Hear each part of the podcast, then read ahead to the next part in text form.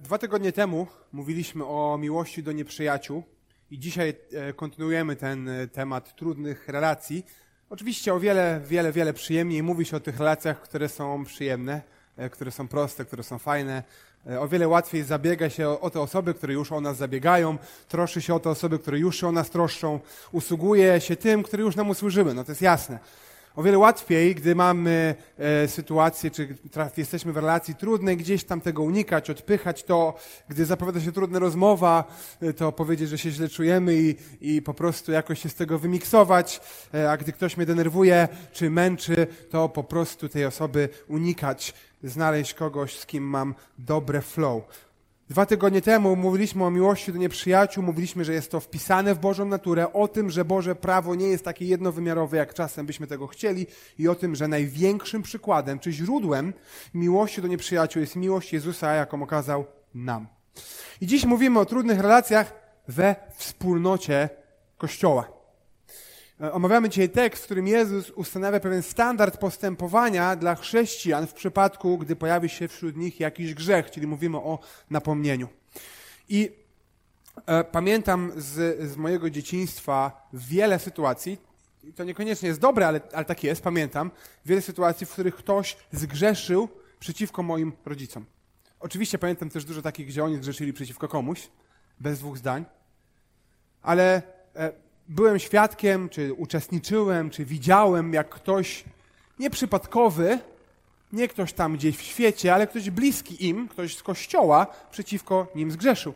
Zdarzało się, że ktoś powiedział, że potrzebuje pieniędzy na coś, a okazało się, że wydaje je na coś innego. Zdarzało się, że ktoś obmawiał mamę albo tatę i innych w kościele przeciwko nim jakoś nastawiał. Zdarzało się, że ktoś coś deklarował i później tego nie robił, wracał do starego życia i trzeba było go z tego wyciągać.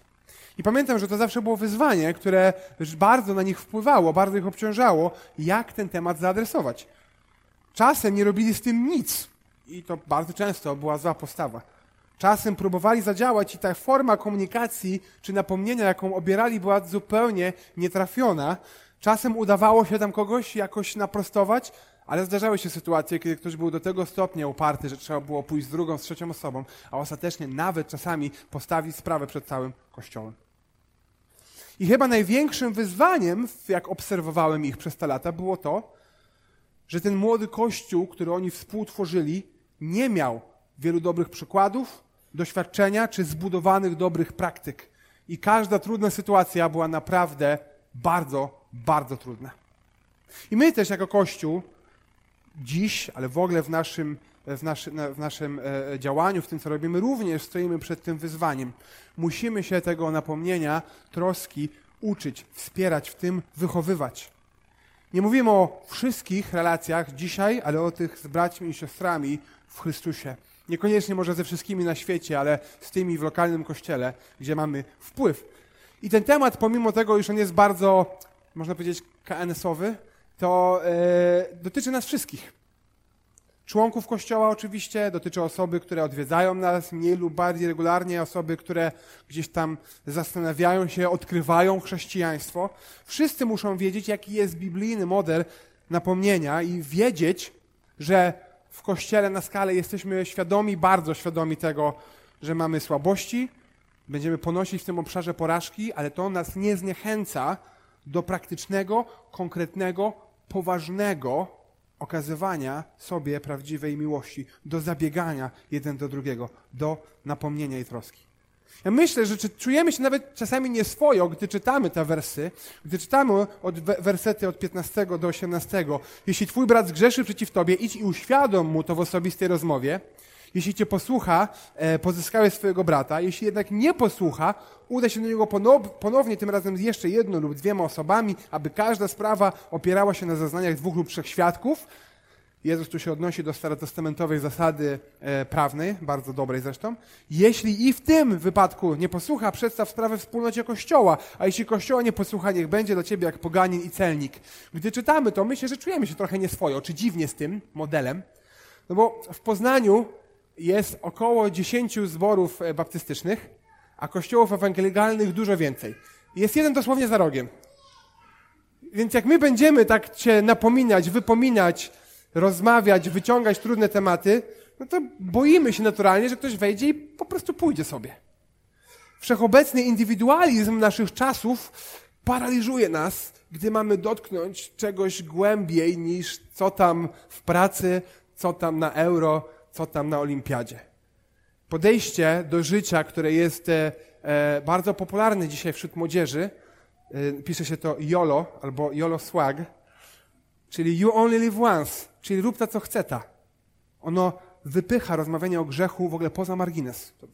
Ciężko jest to uchwycić w nam w tych czasach. Ale dbanie o napomnienie i mądre okazywanie troski nie jest tylko jakąś tam rzeczą, która gdzieś tam Jezusowi przy jakiejś okazji wyskoczyła i warto byłoby się jej przyjrzeć. To jest jedna z rzeczy, które jest fundamentalnych dla Kościoła.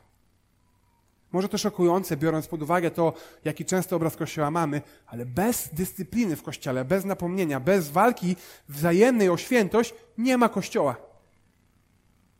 I to jest nasze zadanie, to jest fundament, to jest błogosławieństwo, to jest coś, czego potrzebujemy. I chcę dzisiaj zadać i spróbować odpowiedzieć, patrząc na ten tekst, na dwa pytania. Dlaczego w ogóle napominać i jak napominać? Więc mam nadzieję, że się w tych dwóch punktach nie zgubimy. I zaczniemy trochę nietypowo, bo chcę zacząć od drugiej części tekstu, który czytaliśmy, aby zastanowić się dlaczego, żeby zrozumieć powagę tego tematu. Dlaczego napominać to pytanie, które zadajemy sobie tak w ogóle, patrząc na Kościół jako na całość, ale też w jakiejś konkretnej sytuacji. Kiedy czuję, że powinienem, ale pojawia się w mojej głowie myśl, czy na pewno, czy muszę, czy ja, czy ktoś inny nie mógłby tego zrobić. Jezus mówi w osiemnastym wersecie, zapewniam was, cokolwiek zwiążecie na ziemi, będzie związane w niebie i cokolwiek rozwiążecie na ziemi, będzie rozwiązane w niebie. Zapewniam też was, że jeśli by dwaj spośród was na ziemi uzgodnili coś, o co chcieliby prosić mojego Ojca w niebie, On spełni ich prośbę. I ten zwrot, którym Jezus się posługuje, e, jest y, to stwierdzenie związać, rozwiązać było dosyć popularne wśród rabinów w tamtym czasie. Rozwiązany grzech, czyli ktoś jest wolny, związany grzech, ktoś jest nim związany. Ale te słowa dla nas brzmią dosyć specyficznie, bo myślimy sobie, ok, czyli jak Kościół coś ustali, to Bóg też tak musi zadziałać, prawda? Jak Kościół odpuści, to Bóg musi odpuścić, a jak Kościół nie odpuści, no, no to trudno, to, to, to Bóg ma związane ręce. A może ta zasada dotyczy apostołów ich następców, może Piotra tylko ich następców. Wszystkie te wnioski wynikają z tego, że skupiamy się tutaj na ciągu przyczynowo-skutkowym, ale kontekst, czy to słownictwo, jakie jest użyte, wcale nie musi oznaczać ciągu przyczynowo-skutkowego. Cokolwiek zwiążecie na ziemi, będzie związane w niebie. Możemy rozumieć to tak bardzo wprost, Czyli dzisiaj my mamy uchwałę, prawda? Wieczorem ją podstemplujemy, wysyłamy, jutro rano w niebie, tam ósma, pięć, po porannej kawce ktoś to otwiera, patrzy, jest zadekretowane, next. Ale komentatorzy biblijni skłaniają się raczej do zrozumienia tego tekstu troszeczkę szerzej. Nie akcja, reakcja, ale raczej zależność góra-dół. To, co wy związujecie na ziemi, jest już związane w niebie, albo inaczej, tak ogólnie to, co związujecie na ziemi, przekłada się na to, co jest związane w niebie.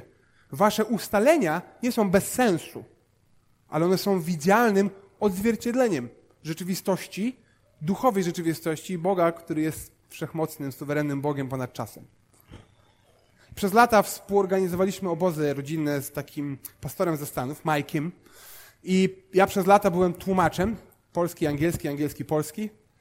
No i taka była moja rola, ale to sprawiało, że było dużo spotkań rozmów i organizacyjnych kwestii, w których brałem udział i naturalnie z biegiem lat doszło do momentu, że można było zapytać mnie o coś i ja się wypowiadałem w imieniu Majka tak naprawdę. Coś Łukasz związywał i to było związane u Majka. Zresztą podobnie jakbyście poszli do mojej żony, pewnie nie we wszystkich tematach i nie we wszystkich dziedzinach życia, nie zawsze, ale jakbyście je zapytali, no to co będzie związane u Oli, to będzie też związane u Łukasza. Jezus mówi uczniom, że jeśli będą postępować zgodnie z Jego modelem, będą posłuszni Jemu, wierni, Jemu oddani, to ich decyzje to nie są tylko decyzje organizacyjne, to nie są tylko decyzje organizacyjne, ale odzwierciedlają duchową rzeczywistość nieba. I myślę, że niektórych z nas to zachęci. Nasze ustalenia nie są bez znaczenia, nie są pustym gadaniem, które i tak potem może być anulowane. Jak jesteśmy wierni, to my możemy dostrzec to, co rzeczywiście Bóg chce dla swojego ludu ale dla innych, może słusznie, to będzie przerażające poczucie odpowiedzialności. To, to my? Pamiętam, parę lat temu, no dobra, nie parę, to będzie kłamstwo, może już nawet 10 lat temu, albo może przesadzam, jechaliśmy jeszcze jako grupa studencka do Wisły i pamiętam, że na tydzień, i pamiętam, że dużo osób pytało wtedy, czy taki temat, który się w naszych głowach gdzieś tam kotłował, to pytanie, czym jest Kościół? I wynikało to z wielu rzeczy. Wynikało to z tego, że czuliśmy tego potrzebę, pochodziliśmy z różnych miejsc, e, ten, to słowo czy obraz Kościoła w naszej kulturze jest bardzo różny i stwierdziliśmy, dobra, to poświęcimy ten wyjazd, żeby o tym porozmawiać. I przez sześć dni przeszliśmy przez pięćdziesiąt ponad fragmentów i rozmawialiśmy o tym w grupkach, wspólnie, na jakichś tam wyjściach. I nie wiem jak inni, ale ja pamiętam, że wróciłem z tego wyjazdu naprawdę z takim ciężarem powagi tego, jakie mamy zadanie. To znaczenie, te podstawy funkcjonowania, rola Kościoła naprawdę uderzyła mocno. I powinna uderzyć mocno, jeśli wiemy, czym jest Kościół. Jeśli wiemy, po co się spotykamy, jeśli wiemy, kim jesteśmy wobec siebie. I jeśli kiedykolwiek, tak na, na marginesie, jak ja kiedykolwiek was z, zachęcam, tak to nazwijmy, żeby nie powiedzieć, niektórzy czują, przymuszam, ale ja zachęcam zachęcam, żeby, żeby być na spotkaniu, żeby na urlop wyjechać po obiedzie w niedzielę, że jak jest wyjazd z kościoła, to żeby jechać, a nie odpoczywać czy sprzątać chatę. Żeby jak są grupki, to na nich być. Żeby być 11.30, a nie 12.27. I nie uciekać od razu i tak dalej, i tak dalej. Jeśli kiedykolwiek was zachęcam do tego, i to może nie czujecie do końca, że to taka zachęta, ktoś tam z tyłu spóźniony mi kiwnął palcem właśnie. Nie patrzyłem nawet na was. Teraz, teraz zaczynam patrzeć. To nie stoi za tym moja chęć, och, żeby było dużo, żeby wypełnić wszystkie krzesła. Albo modlę się, żeby nie stała za tym ta chęć, ale świadomość powagi tego, czym jest Kościół i kim my jesteśmy w nim. Ale Jezus nie kończy na tym wypowiedzi, ale dopowiada dosyć znane stwierdzenie. Stwierdzenie, które może nas dzisiaj nawet szokuje, że ono jest tutaj. Ono najczęściej chyba pojawia się jako wyjaśnienie, czy zapewnienie tego, że jak się spotykamy, to Bóg też jest. Bo gdzie dwaj lub trzej zgromadzą się w moje imię, tam jestem pośród nich. Naprawdę ja tutaj tego nie wstawiłem, to, to, nie, to kojarzymy ten tekst z myśli, że jak się spotyka Kościół, to nawet jak jest małe spotkanie Kościoła, nawet jak tylko dwie osoby przyszły w niedzielę, albo tylko pięć, bo są wszyscy na wakacjach i chorzy i coś tam, to Bóg też jest. Bóg też jest, jak jesteście sami w domu. To chciałem tylko podkreślić. Jezus pada, mówi to tutaj, żeby zapewnić, żeby wzmocnić, żeby podkreślić, ale też pocieszyć uczniów. Pokazać, że napomnienie, ta troska o świętość, walka o duszę drugiej osoby nie jest czymś, z czym jesteśmy zostawieni sami. Więc z jednej strony on daje ten ciężar odpowiedzialności, ale z drugiej strony mówi, Bóg jest z wami. Jezus w tym momencie jest z uczniami fizycznie. Później zapowiada, że odejdzie, ale ich nie zostawi. Zapowiada, że będzie z nimi. Mówi, że będzie z nimi indywidualnie, z każdym, kto za nim poszedł, ale też z nimi jako za Kościołem.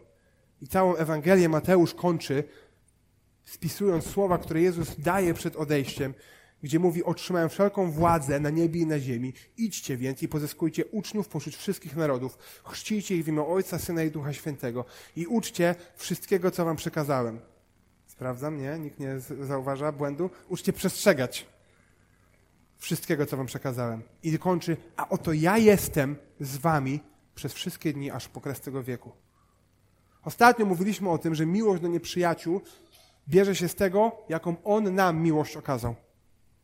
I tak samo dzisiaj możemy powiedzieć, że pragnienie, motywacja, fundament napomnienia, on nie bierze się z powietrza. On nie bierze się z naszego wychowania, z, albo raczej nie powinien się brać z naszego wychowania. Ono nie, nie, nie bierze się z jakiegoś ludzkiego, organizacyjnego pomysłu, albo nie bierze się z tego, bo coś jest łatwiejsze, czy jesteśmy przyzwyczajeni. Dlaczego napominać? Bo Jezus jest z nami. Bo On zamieszkuje nasze serce i On stale napomina nas. Motywacja nie jest przede wszystkim w tym, co na zewnątrz, ale motywacją jest zmiana, która jest we mnie. I On posyła, On wzmacnia, On uzdatnia, abyśmy byli narzędziem w Jego ręku do zmiany innych. I On daje Kościół nie jako opcję, ale jako, jako jedno z niezbędnych narzędzi łaski. Bo naszym wspólnym celem jest naśladowanie Jego. Świętość w życiu codziennym, bycie świadectwem dla świata. I to nie zawsze jest proste, nie zawsze jest przyjemne, intuicyjne, nie zawsze jest łatwe, ale jeśli wiemy, co jest dla Niego cenne, to wiemy, że to jest tego warte. Dlaczego napominać i powiemy teraz o tym, jak napominać. Ta odpowiedź na pytanie jak znajduje się w wersetach 15-18 i mam nadzieję, że te wersety znamy, przynajmniej kojarzymy, przynajmniej ten porządek, który Jezus ustala gdzieś tam nam z tyłu głowy kołacze. Najpierw indywidualnie, potem zabrać jedno, dwie osoby, później postawić sprawę przed Kościołem i ostatecznie, jeśli sytuacja tego wymaga, to kogoś wykluczyć. I może to znamy, może dzisiaj sobie zapiszemy ku pamięci gdzieś z tyłu w Biblii, jeden do jeden, trzy versus jeden, Kościół versus jeden i, i będziemy pamiętali o tym. Tylko problemem nie jest przede wszystkim to, że nie pamiętamy, e, ale mamy problem z praktyką, z zastosowaniem. I chcę spojrzeć na te trzy etapy, ale nawet patrząc na całą strukturę tego napomnienia, to widzimy, że kilka rzeczy od razu odpada z takich naszych praktyk. praktyk. Doniesienie innej osobie w kościele, że ktoś zgrzeszył przeciwko mnie, okazuje się, że nie jest napomnieniem.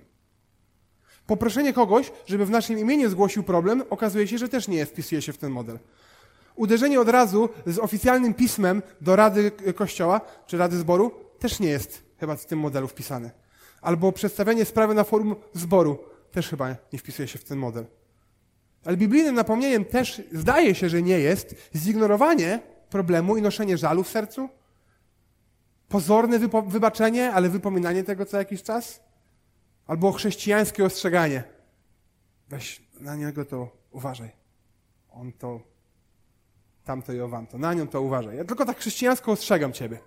To wszystko nie jest w biblijnym modele napomnienia. I wie, przykładów złych praktyk, jakie są naturalne w naszych kościołach, w naszym życiu, moglibyśmy mnożyć. I wydaje mi się, że one wynikają, jak tak uczciwie na to spojrzymy, to albo ze z naszego złego nastawienia, albo z, brak, z braku narzędzi. I złe nastawienie to nie jest coś, do czego się przyznamy chyba. Jakbym teraz zapytał, kto z was ma złe nastawienie do jakiegoś brata lub siostry, ręka w górę. Nie pytam o to, ale czuję, że wynik byłby taki jak teraz. Ale naturalnie niektórych bardziej lubimy, niektórych mniej. Może mamy jakieś podobne tematy, poczucie humoru, styl bycia, zwyczaje, powiedzonka, mamy te same poglądy na gospodarkę, politykę, medycynę i tam różne inne rzeczy. Może mamy jakąś przeszłość z kimś, która coś daje, albo przeszłość, która jest trudna do uniesienia, przeszłość, w której trudno nam się odciąć do jakichś myśli, bo ktoś przeciwko nam zawinił, albo my zawiniliśmy przeciwko komuś. I to złe nastawienie, ta niechęć, te niezagojone rany, to wszystko sprawia, że zanim w ogóle wejdziemy do praktyki, gdy wejdziemy do sytuacji, ja idę do kogoś napomnieć go, to najważniejsza odpowiedź, jaką możemy sobie dać, jak napominać, brzmi pełnym miłości Chrystusowej. Niezależnie jeszcze od praktyki, pełnym miłości Chrystusowej. Gotowym dostrzec mój grzech. Gotowym nieść brzemię drugiej osoby. Gotowym ponieść koszty stawiając dobro drugiej osoby nad swoim, jej świętość, jej poczucie pewności siebie w Bogu, rozwiązanie dobre dla niej. Na początku tego rozdziału 18 Jezus mówi, że największy w Jego królestwie jest ten, który uniży się jak dziecko, zrozumie swoją małość, przyjdzie z pokorą do Boga i będzie sługą wszystkich, nawet najmniejszych, nawet najmniej wartościowych. To jest osoba największa w Jego królestwie. I zaraz po tym fragmencie Jezus daje uczniom potężny obraz tego, jak wygląda wybaczenie, wpisane w dobrą nowinę. My wszyscy potrzebujemy w napomnieniu tej zachęty Bożej obecności, tej powagi sytuacji i wszyscy potrzebujemy postawy Chrystusowej miłości. Bez tego bardzo łatwo doprowadzić do katastrofy. I drugim problemem jest coś, co, czym, o czym dzisiaj mówimy, brak umiejętnego napominania. E, jak to czasami się mówi, serce bywa we właściwym miejscu, ale efekt wychodzi różny. Tak na marginesie, jak ktoś do nas przyjdzie i formę napomnienia czy zwrócenia nam uwagi wybierze taką sobie, e, zdarza się to. Nie wiem, czy wam się kiedyś to zdarzyło. Mi się zdarzyło być napominającym w kiepski sposób i otrzymującym napomnienie w kiepskiej formie. Zawsze le lepiej założyć, że ktoś ma dobre nastawienie, ale metoda mu nie wyszła może. I ten tekst, który mówimy, on nam ma pomagać. Ale to nie tylko ten tekst dzisiaj, nie tylko lekcja, którą mamy teraz, nie tylko wnioski z dzisiejszego kazania, ale potrzebujemy szukać mądrości u innych. Nie plotkować, ale szukać mądrości. Uczestniczyć w małych grupach. Pytać, wspierać się nawzajem. I jak trzeba, może szukać kogoś starszego w wierze. Może czasami rzeczywiście już w ostateczności przyjść do starszych po pomoc. Na marginesie kiedyś stworzyliśmy taki dokument, czym jest biblijne napomnienie. Nie będę pytał, kto go czytał, bo też mogłoby być różnie. ale jak ktoś się zgłosi, to go wyślę. Jeszcze raz wyślę. Jeśli twój brat zgrzeszy przeciwko tobie, idź i uświadom mu to w osobistej rozmowie. Jeśli cię posłucha, pozyskałeś swojego brata. Po pierwsze, twój brat. Napomnienie nie dotyczy przypadkowych osób, nie dotyczy całego świata, ale dotyczy brata, siostry w Chrystusie. Dotyczy relacji rodzinnych w Kościele. I pomimo, że Jezus w tym momencie jest podróżującym nauczycielem i jego grupa jest bardzo zmienna. Tam nie ma dużej zażyłości między wszystkimi, tam są różne warstwy zażyłości. To on już teraz kładzie fundament pod kościół, który później zaczną budować, kontynuując jego pracę apostołowie. I zupełnie inne nastawienie mamy, gdy myślimy o tym, idę do mojego brata w Chrystusie, idę do mojej siostry w Chrystusie. Gdy nasze dzieci w różnych konfiguracjach, Michał Elnika, Elnika Jonasz, Jonasz Michał, cała trójka i tak dalej, e, się jakoś spinają, to zupełnie w inny sposób jako rodzice przychodzimy do tego, niż jak ktoś coś komuś powiedział na placu zabaw. Ktoś tam na placu zabaw podszedł i kopnął mnie i mamo, jest mi smutno. To jest zupełnie inna relacja. To jest twój brat, to jest twoja siostra. To nie jest coś, czego, co trzeba po prostu zacisnąć zęby, może i pójść dalej. To nie jest coś, czego się można wymiksować. To nie jest coś, co jest taki o, to jest na całe życie. Jesteście rodzeństwem, jesteście braćmi, siostrami. To jest relacja poważna, mocna. Nie jest kwestia tego, jaki ja mam akurat humor. To muszę potraktować na serio. I gdy myślę o drugiej osobie w kategoriach mocnych relacji, to naprawdę pomaga. Po drugie, jeśli twój brat zgrzeszy przeciwko tobie jeśli zgrzeszy przeciwko Tobie. Zdarza się i myślę, że to jest wyzwaniem, gdy do tematu napomnienia przechodzimy, że pomocą potrzebną, może niezbędną nawet ze względu na jakieś moje problemy, będzie szukanie pomocy, będzie dyskretna rozmowa z kimś, zanim pójdę napomnieć. To jest trudne, wymaga mądrości, ale czasem musimy się tym wspierać, ale co do zasady, to jeśli ktoś zgrzeszy przeciwko mnie, to ja mam ten temat podnieść, ja mam ten temat poprowadzić. To jest chyba dosyć oczywiste, a jednak tak często o tym zapominamy. I nie chodzi o to, jak bardzo ja jestem dotknięty, jak bardzo mnie coś dotyka. Senne nie jest to, jak bardzo ja się czuję z tym źle. Nawet nie chodzi o to, jak bardzo to jest wymierzone we mnie. Może jestem po prostu świadkiem jakiegoś grzechu. Ostatecznie i tak wszystkie grzechy są przeciwko Bogu. Chodzi o to, że ta ścieżka napomnienia, ktoś zgrzeszył przeciwko mnie, ja to widzę, i do tej osoby, ta ścieżka daje najlepsze szanse na rozwiązanie. Jeśli ja coś zrobiłem i Ty byłeś tego świadkiem, mamy to samo nastawienie jako bracia w Chrystusie, wspólny cel, chcemy naśladować Jezusa, chcemy dążyć w świętości, jest naprawdę duża szansa, że to rozwiążemy. Ja już parę razy w życiu miałem okazję być napomnianym w imieniu kogoś niewy, niewymienionego z imienia. Ktoś przyszedł jako, a ktoś przyszedł i mówi, to nie ja, ktoś inny, nie mogę powiedzieć kto, albo nie wiem kto, ale zgrzeszyłeś przeciwko niemu. Zdarzało mi się to w moim życiu kilkukrotnie. I w tej sytuacji ja zakładam, że, że pewnie racja, że rzeczywiście pewnie tak zrobiłem, rzeczywiście pewnie jest wina jakaś po mojej stronie, zgrzeszyłem, ale jestem trochę sparaliżowany. Nie, mogę, nie, nie mam szansy, żeby tą osobę przeprosić, bo jej tu nie ma. Nie mam szansy, żeby z nią porozmawiać. Nie mam szansy, żeby dopytać. Nie mam szansy, żeby powiedzieć jej, jak ona może pomóc w przyszłości, jaką ona ma rolę w tej sytuacji trudnej, którą ja najwidoczniej stworzyłem. Nie wiem. I jeszcze dodatkowo jest ktoś trzeci z zewnątrz wciągnięty w ten głuchy telefon i stoi, ja tylko przekazuję. I ta zasada dotyczy sytuacji, gdy my mamy kogoś napomnieć, ale też gdy my jesteśmy tą trzecią osobą. Ktoś niejednokrotnie do nas przyjdzie i powie, no on tak przeciwko mnie zrobił. Nasza instynktowna zasada jest taka, reakcja jest taka, że no pogadajmy o tym, jak się z tym czujesz. Okej, okay, ale ostatecznie właściwa reakcja jest taka: idź ty i porozmawiaj z tą osobą. Ty idź i porozmawiaj. Idź i uświadom mu to. Idź. Idź, wykonaj krok, wykonaj pracę, umów spotkanie, zarezerwuj czas, uświadom, pomóż dostrzec. Nie zakładaj, że ta osoba to rozumie. Nie zakładaj, że wystarczy odczytać coś i się rozejść. Przyjmujesz tak, nie. Pomóż. W tym tygodniu, i to nie była ustawka po to, żeby mieć przykład podkazanie, zdarzyło mi się kilkukrotnie zgrzeszyć przeciwko mojej żonie. Nie robiłem tego specjalnie. Jak ktoś ma żonę, to wie, że taki pomysł jest w ogóle abstrakcyjny. Zgrzeszyć na potrzeby przykładu. Ze względu na dużo rzeczy, które się nakładają w życiu, zmęczenie, frustrację różnymi rzeczami, zdarzyło mi się kilka razy mieć słabą postawę, niewłaściwą, grzeszną postawę wobec niej albo wobec dzieci. I co jest ciekawe, to Ola jest w sytuacji, powiedziałbym, trudniejszej, bo ona też jest w tej samej sytuacji życiowej co ja, ale jeszcze dodatkowo jest w ciąży w dziewiątym miesiącu. Więc jej naturalnie się jeszcze mniej chce. Ale i tak kilkukrotnie wyszła, że tak powiem, ze swojej strefy komfortu. Czas, który już był zarezerwowany o 21.15 na spanie, przeznaczyła na to, żeby jednak porozmawiać. I kilkukrotnie rzeczywiście w bardzo pomocny sposób wskazywała, Łukasz, to było słabe, to było niefajne, to nie było ok. A to jest zupełnie inna sytuacja niż jak rozmowy, które nieraz widzimy, może których nawet nieraz jesteśmy uczestnikami, gdzie od razu zaczyna się od wyrzutów, wyrzutów i wyrzutów. Idź i uświadom mu to w osobistej rozmowie. I ten punkt jest ciekawy, bo pewnie kilkaset lat temu był bardziej oczywisty. Dla nas dzisiaj ta osobista rozmowa jest czasami czymś wyjątkowym. Wiecie, no, może rozmowa telefoniczna czasami musi być dobrym, jakimś tam dobrą protezą, jak nie, ma, jak nie możemy się spotkać, ale rozmowa na Messengerze jest dobra, albo wymiana yy, na jakimś, u kogoś na jego publicznym poście komentarzami z napomnieniem. Widujemy co jakiś czas takie wymiany w sieci.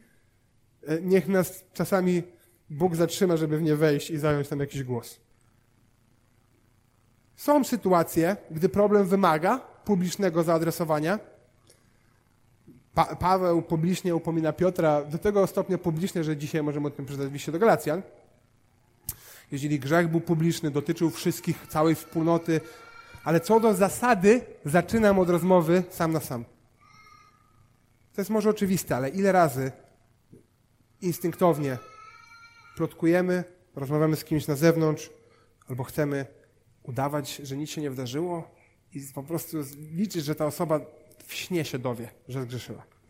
I jeśli cię posłucha, pozyskałeś brata. I ta perspektywa jest wspaniała. Pozyskałeś brata. Wzmocniłeś, utwierdziłeś relację. Byłeś narzędziem w Bożym ręku, aby kogoś poprawić, aby kogoś ratować. Nie ma gwarancji, jaki będzie efekt, ale jest szansa na to, że przez nasze działanie rzeczywiście Bóg kogoś naprostuje, opamięta. Że nasze kościelne więzi nie będą się powoli, powoli, powoli rozklejać, ale zacieśniać. Jeśli jednak Cię nie posłucha, udaj się do Niego ponownie, tym razem z jeszcze jedną lub dwiema osobami, aby każda sprawa opierała się na zeznaniach dwóch lub trzech świadków. I oczywiście ta praktyka tego napomnienia e, jest bardziej złożona niż po prostu trzy spotkania. Raz, dwa, trzy, poniedziałek, wtorek, w środę można już wykluczyć kogoś. Czasami to uświadomienie w osobistej rozmowie, przyjście z jedną, dwiema osobami albo już poczuszanie sprawy z całym kościołem wymaga może kilku spotkań, może kilku prób i tak dalej, i tak dalej, ale kolejność jest bardzo ważna. I to jest ważne, aby być tym mądrym, ostrożnym. Naturalnie, gdy mam zabierać jedną, drugą osobę, to druga strona może pomyśli, no już coś ustalili, już ktoś się omówił coś za moimi plecami i przyjdzie mnie teraz zaatakować. Istnieją tego zagrożenia, ale jak podchodzimy do tego ostrożnie, to jest też narzędzie w Bożym ręku. Po pierwsze, dlatego, że obecność innych daje szerszą perspektywę. Jeśli nie udało nam się dojść w osobistej rozmowie, to może wynika to z tego, że nasze ograniczone spojrzenie na rzeczywistość po prostu gdzieś tam się nie pokrywają. Ja widzę pewien wycinek, druga strona widzi pewien wycinek i nie możemy sobie tego nijak przekazać. Pomimo naszych najszczerszych chęci, czasami nawet nie potrafimy powiedzieć czegoś w taki sposób, że druga osoba zrozumiała. Komunikacja jest problemem. E, często problemem jest i to, że druga strona po prostu uparcie nie chce czegoś przyjąć. Potrzebujemy tej dodatkowej perspektywy. Obecność innych osób pomaga też nam, obu stronom, dostrzec swoje ułomności. Bo ponieważ punkt wyjścia jest taki, że ktoś zgrzeszy przeciwko mnie, to jak spojrzymy na całość biblijnego opisu ludzkiej natury, to widzimy, że wszyscy zgrzeszyli, wszyscy jesteśmy ograniczeni, wszyscy mamy naturę, która jest zepsuta i powinniśmy być otwarci na to, że jeżeli coś mnie rusza, to problem też może być u mnie, że oboje jesteśmy bez Chrystusa ślepi. I po trzecie, obecność innych osób podkreśla rolę Kościoła. I to jest trudne, bo szatan chce, żebyśmy nie myśleli, albo nie chcę, żebyśmy myśleli. Albo chcę, żebyśmy nie myśleli. To nawet chyba to mam na myśli. Chcę, żebyśmy nie myśleli w kategorii kościoła, tylko chcę, żebyśmy myśleli w kategorii mojej podgrupy.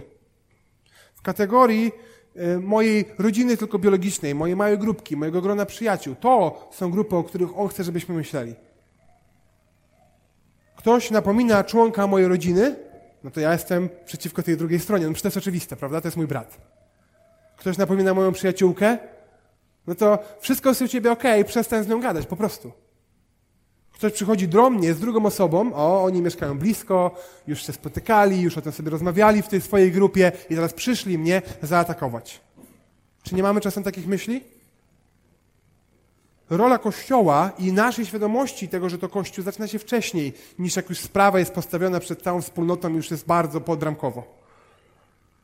Gdy przychodzą do mnie dwie, trzy osoby, to nie powinienem widzieć przekleństwa jakiejś grupy, która się umówiła, żeby do mnie przyjść i mnie męka, nękać, męczyć.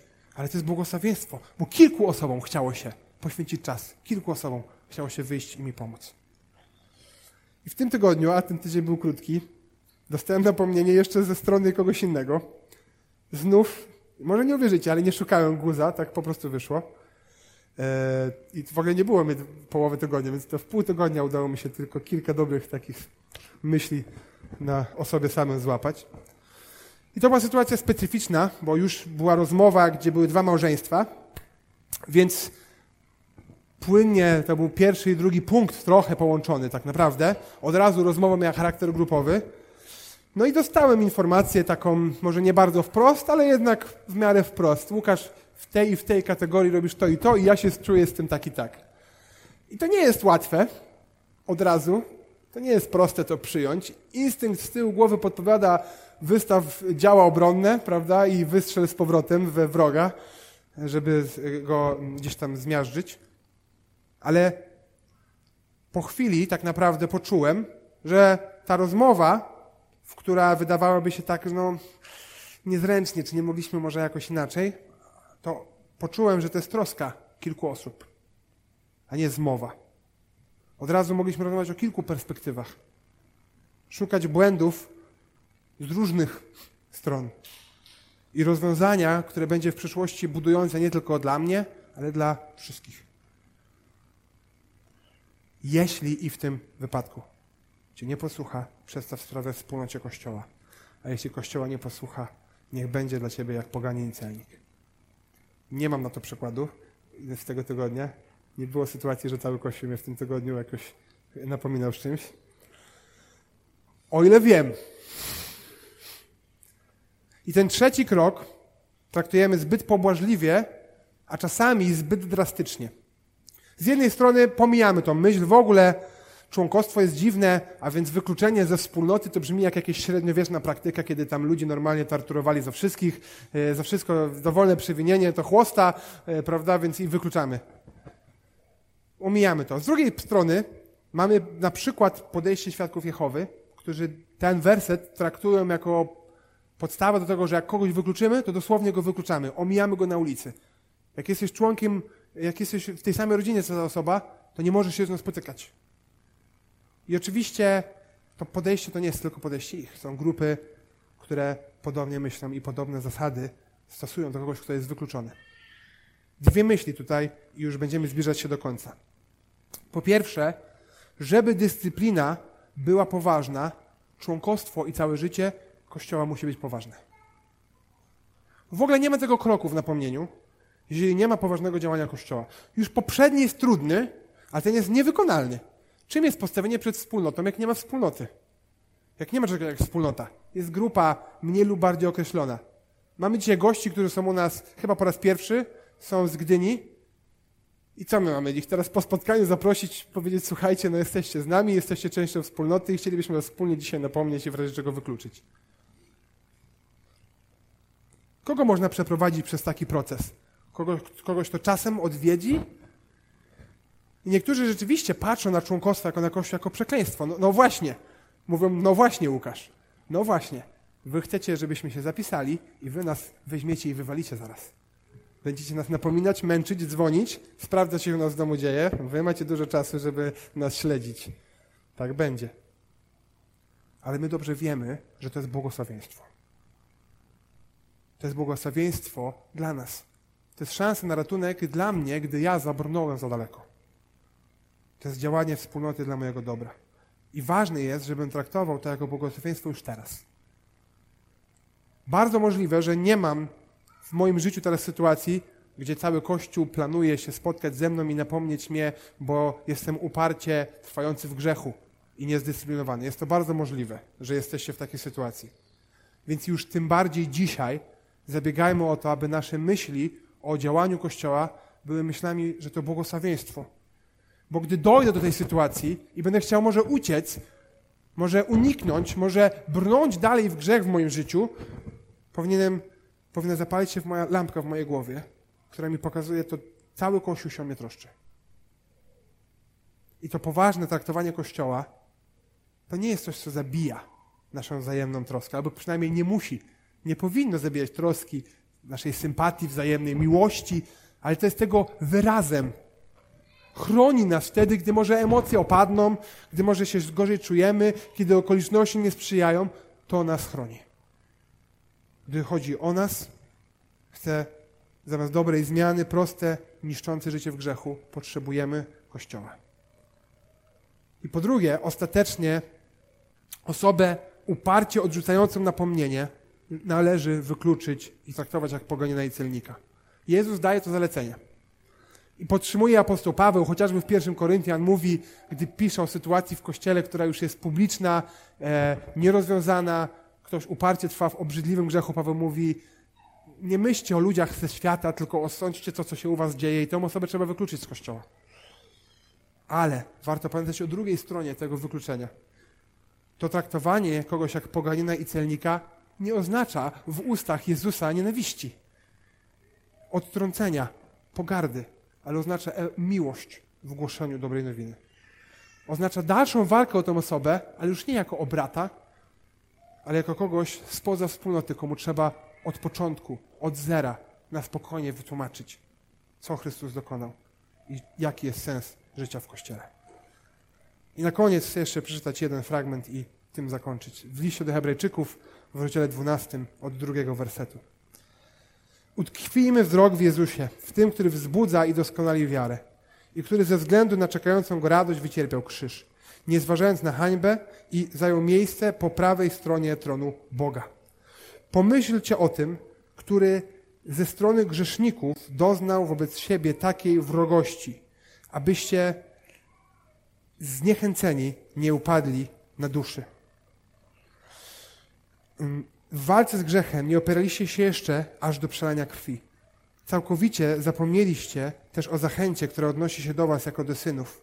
Synu mój, nie lekceważ pouczeń Pana i nie zniechęcaj się, gdy On wytyka ci błędy, bo kogo Pan kocha, tego karci i okazuje surowość wobec każdego syna, którego darzy uznaniem. Cierpliwie znoście karcenie, jest ono dowodem, że Bóg obchodzi się z wami jak z synami. Bo nie ma syna, którego by ojciec nie karcił. Jeśli nie jesteście karceni, tak jak wszyscy, to jesteście dziećmi nieprawymi, a nie synami. I dalej od wersetu 11. E, Żadne karcenie w chwili, gdy nas dosięga, nie sprawia nam radości, lecz łączy się z bólem. Później jednak tym, którzy dzięki niemu zostali wyćwiczeni, zapewnia pełen pokój owocu sprawiedliwości. Dlatego wznieście opuszczone ręce, wzmocnijcie omdlałe kolana i prostujcie ścieżki dla swoich nóg, aby to, co kalek, kalekie, nie, opad, nie odpadło, ale raczej wyzdrowiało. Dążcie do pokoju ze wszystkimi i do uświęcenia, bez którego nikt nie zobaczy Pana. Utkwijmy wzrok w Jezusie, który doświadczył cierpienia, aby dać nam wiarę i aby ją doskonalić. Pamiętajmy, że On ponad napomnieniami, które mamy tutaj na tej ziemi między sobą, ponad tym On nas wychowuje i nas karci, bo nas kocha. I może to robić posługując się Kościołem. Dlatego zabiegajmy o siebie nawzajem, bo to sprawa Kościoła, bo to sprawa naszej wieczności.